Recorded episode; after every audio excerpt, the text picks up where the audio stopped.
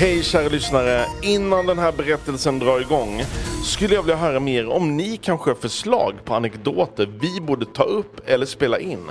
Tipsa gärna oss, gå in på highcoastradio.com. Det här är en berättelse av och med Benka Forsberg. Lyssna på Benkas minne om hans tid som skubb och hur han och de andra skubbarna brukade roa sig på kajen under lunchrasterna i början av 60-talet.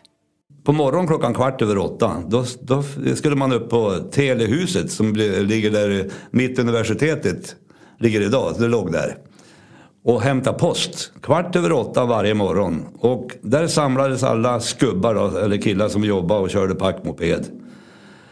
Kvart över åtta på morgonen, exakt tid.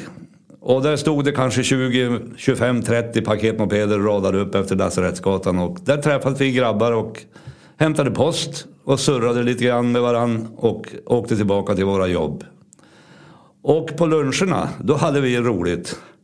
Då träffades vi på kajen. Och där hade vi tävlingar med paketmopederna om vem som kunde köra på två hjul längst.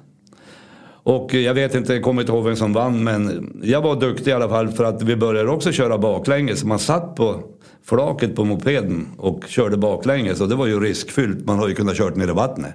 Men eh, vi klarade det också.